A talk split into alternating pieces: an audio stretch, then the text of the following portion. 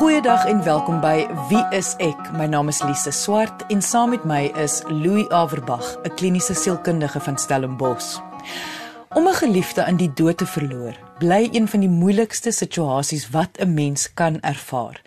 Daardie gevoel van hulpeloosheid, verwarring, selfs woede, onregverdigheid en dan praat ons nog nie eens van die geweldige druk wat 'n mens se lyf tydens 'n rouperiode deurgaan nie. Ongelukkig gaan ons almal een of ander tyd hierdeur moet gaan. So vandag gaan ons kyk na nie net hoe om verlies te hanteer nie, maar ook wanneer jy moet besef dat iemand na aan jou of jouself nie dalk hulp nodig het om deur hierdie proses te gaan nie. En hoe jy dalk van hulp kan wees vir iemand anders wat 'n geliefde verloor het. Louis, ek dink nog altyd dat die woord rou om in die rouproses te wees. So 'n akkurate beskrywing is, want dit is tog soos 'n rou oop wond. Die ervaring, veral direk na die nuus dat iemand 'n geliefde aan die dood verloor het. Ja, ek stem saam met jou. Dit is meer beskrywend miskien as die Engelse woord grief o of to grieve. Want soos jy sê, dit dit vat daardie rou effek wat amper soos 'n wond is vas. En ons moet besef dat vir baie mense is die verlies van iemand wat wat hulle lief voor was of is letterlik soos 'n rou wond. Baie mense beskryf dit ook dis asof iemand 'n mes in jou hart ingedruk het en die term hartseer, dis is waar hartseer vandaan kom. Mense wat regtig rou sal vir jou sê dat hulle harte is fisies seer. Jy kan dit voel. Ek dink dit is belangrik om aan die begin net iets uit te klaar. Is daar 'n regte of selfs dan 'n verkeerde manier om te rou? Nee, nie regtig nie. Ek dink dat baie mense het so halwe gevoel dat mense moet deur sekere stappe moet gaan. Dis nie noodwendig verkeerd nie, maar daar's nie regtig 'n universele rouproses nie. Nou dat jy doen daarvan die stappe, baie mense verwys na sekere stappe wat 'n mens moet deurgaan. Ek dink dit is iets soos ontkenning, woede, depressie en dan kom jy nou by aanvaarding of so iets uit. Eh, moet 'n mens deur hierdie stappe gaan om oukei aan die ander kant uit te kom? En indien wel, wat is die stappe dan? Ja, die stappe waarna jy verwys is meestal gegrond op Elizabeth Kubler-Ross se navorsing van hier in die 60s en dis vir 'n baie lang tyd wêreldwyd amper aanvaar dat mens deur hierdie stappe gaan. Baie mense vind dat dit vir hulle baie help en gee vir jou struktuur. Amper om te kan sê goed jy is nou in die ontkenningsfase. Sien daar's jy nou in die woedefase ensovoorts en dit help partykeer vir mense maar in realiteit werk dit nie regtig so nie. In realiteit afhangende van hoe en met wie die verlies ervaar is word hierdie stappe maar eintlik permanent deurmekaar gelyktydig ervaar soms en soms nie en is daar nie regtig 'n kronologiese verloop van rou nie. Gaan die rouwond van self maar weer toe? Of is daar iets wat 'n mens kan doen om die pyn vinniger minder te maak? En ek kan dink dat baie van jou kliënte wat jy sien vra teen teen dit vir jou wanneer hulle 'n verlies gely het. Want mens wil tog hê die pyn moet stop. Ja dis die vraag gewoonlik. Hoe lank gaan ek so voel? Nou ons almal weet dat in teorie as jy net lank genoeg wag dat jou emosies verander. En as dit ernstige rou, swaar, hartseer emosies is, dan word dit gewoonlik ligter. Dis baie selfde dat mens dieselfde intensiteit van verlies ervaar 5 jaar, 10 jaar later as in die hede, nê. Nee. So, mens sou kon sê teoreties kan jy maar net sit en wag dat die tyd omgaan vir 'n jaar of 2 of 3 en dan sal jy beter voel wat seker waar is. Maar baie keer kom mense nie deur daardie jaar of 2 of 3 nie. En is die verlies so erg dat dit hulle verkruppel. En dan is dit gewoonlik op 'n emosionele vlak waar dit gebeur. Mense emosies word vasgevang. En al die pogings om dan aan die gang te probeer bly totdat die tyd die rou uit wegvat, sal maar wees op gedrag om te probeer beheer en te probeer forceer wat jy doen byvoorbeeld soos om eenvoudig in die oggende op te staan en werk toe te gaan wat in baie gevalle baie moeilik is as mense erge rou ervaar So wat jy sê is baie mense verwys dan na wat deur 'n verlies is dat die beste manier is om so gou as moontlik aan te gaan met jou daaglikse rotine met jou lewe. En dit is wat jy nou sê. Dit beteken nie dat jy nie in daardie daaglikse rotine nie vreeslik gaan nog suffer nie, sleg voel nie, hartseer wees nie, maar om deur gedrag en tyd is maar al wat daar is. As dit moontlik is, ja. En dis nie altyd moontlik nie uh, jy weet baie mense wat sê nou maar vir 'n instansie werk het x aantal weke of dae verlof in 'n jaar en siek verlof. So die meeste mense het nie die luukse om 'n lekker maand of 2 af te neem van hulle werke af nadat hulle ernstige verlies het. Nie dis omtrent 'n week of 2 en dan moet hulle terug wees by die werk. Nou wie kan 'n ernstige verlies in 'n week of 2 ver, uh, verwerk? Niemand nie. Maar tog dwing die lewe jou dan om dan nou maar deur daardie stappe te gaan, maak nie saak hoe jy voel nie. Terwyl ek nou so praat, eh, hoe verskil dit om trauma te ervaar teenoor wanneer jy iemand aan die dood verloor? Want soos ons nou praat, voel dit vir my dat albei is, kom ons noem dit nou maar ewe traumaties. Ja, trauma is 'n baie subjektiewe ervaring. En wat die woord trauma impliseer ernstige skade. As jy trauma ervaar het of dit fisies is of emosioneel is, dan jy ernstige skade opgedoen. En vir baie mense is die verlies van 'n geliefde die heel ergste ding wat met hulle kan gebeur. Dis op hulle lys van ergste trauma, die heel ergste. Vir baie mense is dit nie so erg nie. Maar ons kan definitief weet dat universeel vir mense wat baie naby aan ander mense is en hulle verloor, deur dood of of selfs deur eenvoudig weggaan kan daardie verlies as die ergste vorm van trauma ervaar wat daar moontlik kan wees. So jy's reg, vir party mense is dit traumaties en selfs die mees traumatiese wat dit kan wees. Jy luister na Wie is ek met Louie en Lise op RSG 100 tot 104 FM. Hoe lank mag 'n mens hartseer wees? na iemand oorlede is? Dis nog 'n dis 'n snaakse vraag, nê, nee, want wie is daar nou wat kan sê jy mag vir X aantal tyd hartseer wees of nie? En tog is dit 'n vraag wat baie mense vra. Hoe lank is 'n aanvaarbare hartseer periode? En hier kan mens eenvoudig net sê dat dit totaal totaal subjektief is. En dit reflekteer nie noodwendig op hoe lief jy nou vir die persoon was of nie as jy 'n maand daarna makliker kan funksioneer as iemand anders, beteken dit nie jy was minder lief vir die ander persoon nie, maar mense verskil so dat dit vir sommige mense jare vat om oor hartseer te kom en vir sommige mense 'n paar maande of selfs 'n paar weke. Nou, hoekom raak die mense om iemand wat 'n persoon verloor het soms geïrriteerd omdat hulle voel dit is nou genoeg, die persoon was nou lank genoeg hartseer? Ek dink dit kom baie keer uit 'n positiewe intensie uit. Mense wil graag hê die persoon moet weer die ou persoon wees. Of hulle wil selfsugtiglik die ou persoon terug hê, die ou vriend of familielid, of hulle wil hê dat namens die persoon dat hy of sy nou weer hulle ou self kan wees en nie meer so hartseer nie en, en daarom nou aan die lewe kan deelneem ensovoorts. Maar daar is tog mense wat kom ek noem dit vasklou aan hulle rouproses. Dit kan tog nie gesond wees nie. Hartseer en verlies is vir my gesond, maar rou om die wond heeltyd oop te wil hou of dit oop te forceer, dit voel vir my ongesond. En daar is tog mense wat dit doen. Ja, dis 'n moeilike een hierdie. Uh baie keer raak dit 'n manier van lewe by sommige mense.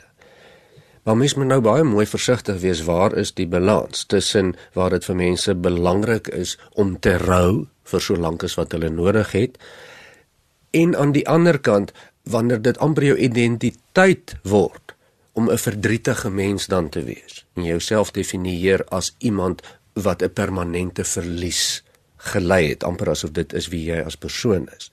Dis 'n baie baie baie moeilike uh skeidslyn daar. Want jy is heeltemal reg, daar is mense wat amper so verlies. Ek wil amper sy lewenslank as 'n verskoning gebruik. Dit klink verskriklik. En en dan amper op die rou en die verlies teer. Dit raak 'n gewoonte soms vir sommige mense. Maar oor die algemeen laat ons eerder tog net sê natuurlik is dit nie gesond om hierdie rou wond vir altyd oop te los nie. Maar is net so ongesond om hom baie om hom te vinnig te probeer toemaak. So indien jy 'n persoon is wat iemand verloor het, wanneer moet jy begin kyk na hoe jy die verlies verwerk? Met ander woorde, wanneer raak dit 'n kom ons noem dit 'n probleem, hoe jy dit hanteer? Dit sal wees wanneer jou funksionering ingeperk word. En ons moet nou net eers hierso konteks en omstandighede in ag neem. As jou lewensmaat van 20 jaar oorlede is en na 6 weke kan jy nie funksioneer nie, is dit redelik normaal. Selfs 3 maande, 6 maande dalk. So mens moet baie mooi die agtergrond in gedagte hou. Is dit jou neef wat jy 20 jaar laas gesien het wat jy verloor het of is dit jou geliefde of jou beste vriend? Dit maak 'n baie groot verskil.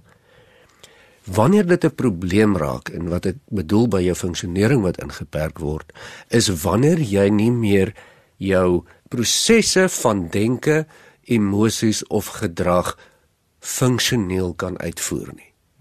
Soos wanneer jy byvoorbeeld nie kan uit die bed uit opkom om te gaan werk nie of dat jy so depressief voel dat jy nie meer wil leef nie. Of byvoorbeeld, ek dink in baie gevalle wanneer een ouer oorlede is, die ander ouer kom ons sê dan nie na kinders kan kyk of na sy kinders kan omsien nie. En en en, en dis baie keer nie so moeilik vir mense om agter te kom dat hulle in die moeilikheid is nie. Meeste mense kom gou agter, soos wat jy sê, ek kry nie na die kinders gekyk nie of ek kan nie meer my werk doen nie, iets is fout. Ons bespreek vandag die geweldige moeilike ervaring van verlies van 'n geliefde aan die dood. Soos ek aan die begin van die episode gesê het, is hierdie 'n situasie wat almal van ons een of ander tyd deurmaak. Indien jy die eerste helfte van vandag se episode gemis het, kan jy na die potgooi gaan luister op RSG se webwerf. Dit is rsg.co.za.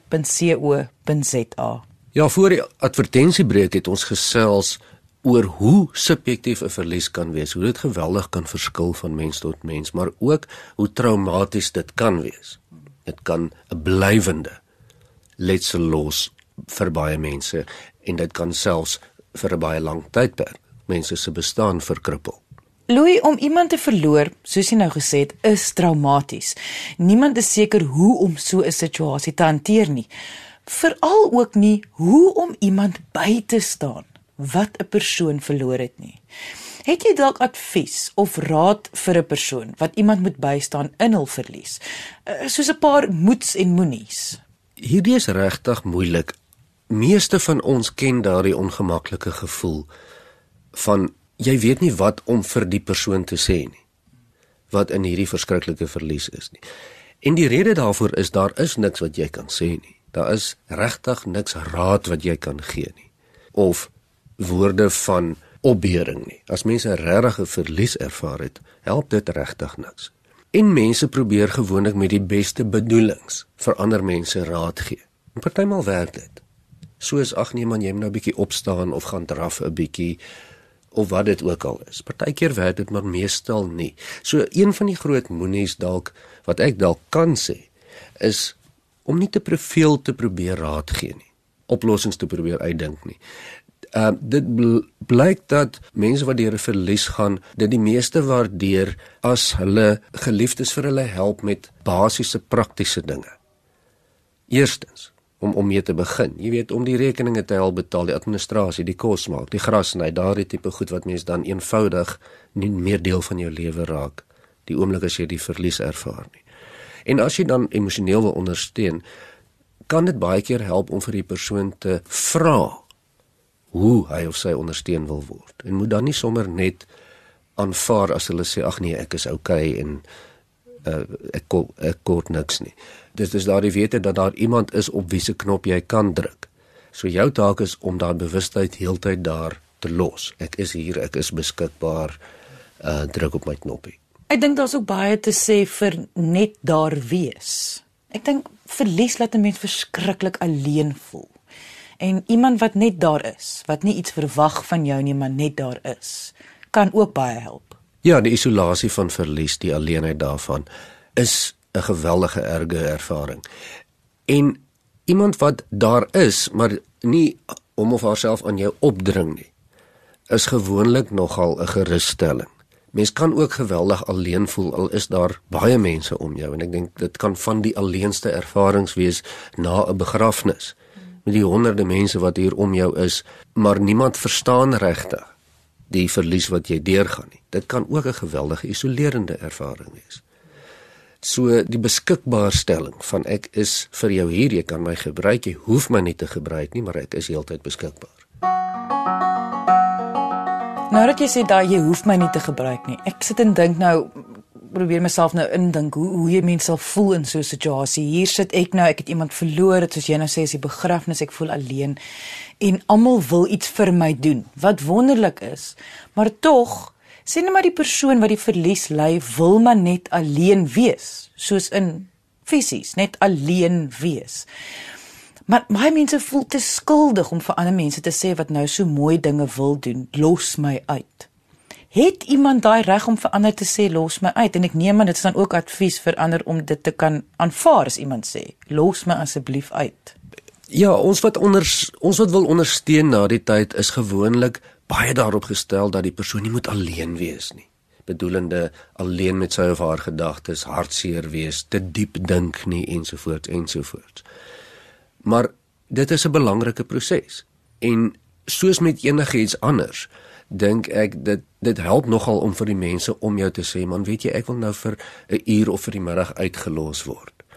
Die rede daarvoor is ek is te moeg om te gesels, ek wil so 'n bietjie op my bed lê of wat ek ook al wil doen. Ehm um, waardeer dat jy hulle wil help, maar dit gaan nie eintlik vir my help. Die meeste mense verstaan dit. En het ook baie verligting daardeur. Ervaar ook verligting daardeur as iemand vir hulle sê wat hulle wil hê en hoe hulle dit ervaar. Kyk, ons trap mos nou maar rond om mense wat verlies ervaar uh, en ons weet nie lekker wat ons vir hulle kan doen nie. So as hulle vir ons sê, help dit ons baie. Mense hoor baie keer hoe iemand hospitaal toe is of die dokter word ingeroep wanneer die nuus aan iemand gebreek word dat 'n geliefde dood is. Die gee dan 'n pilletjie of 'n inspuiting vir die skok. Dit is normaal.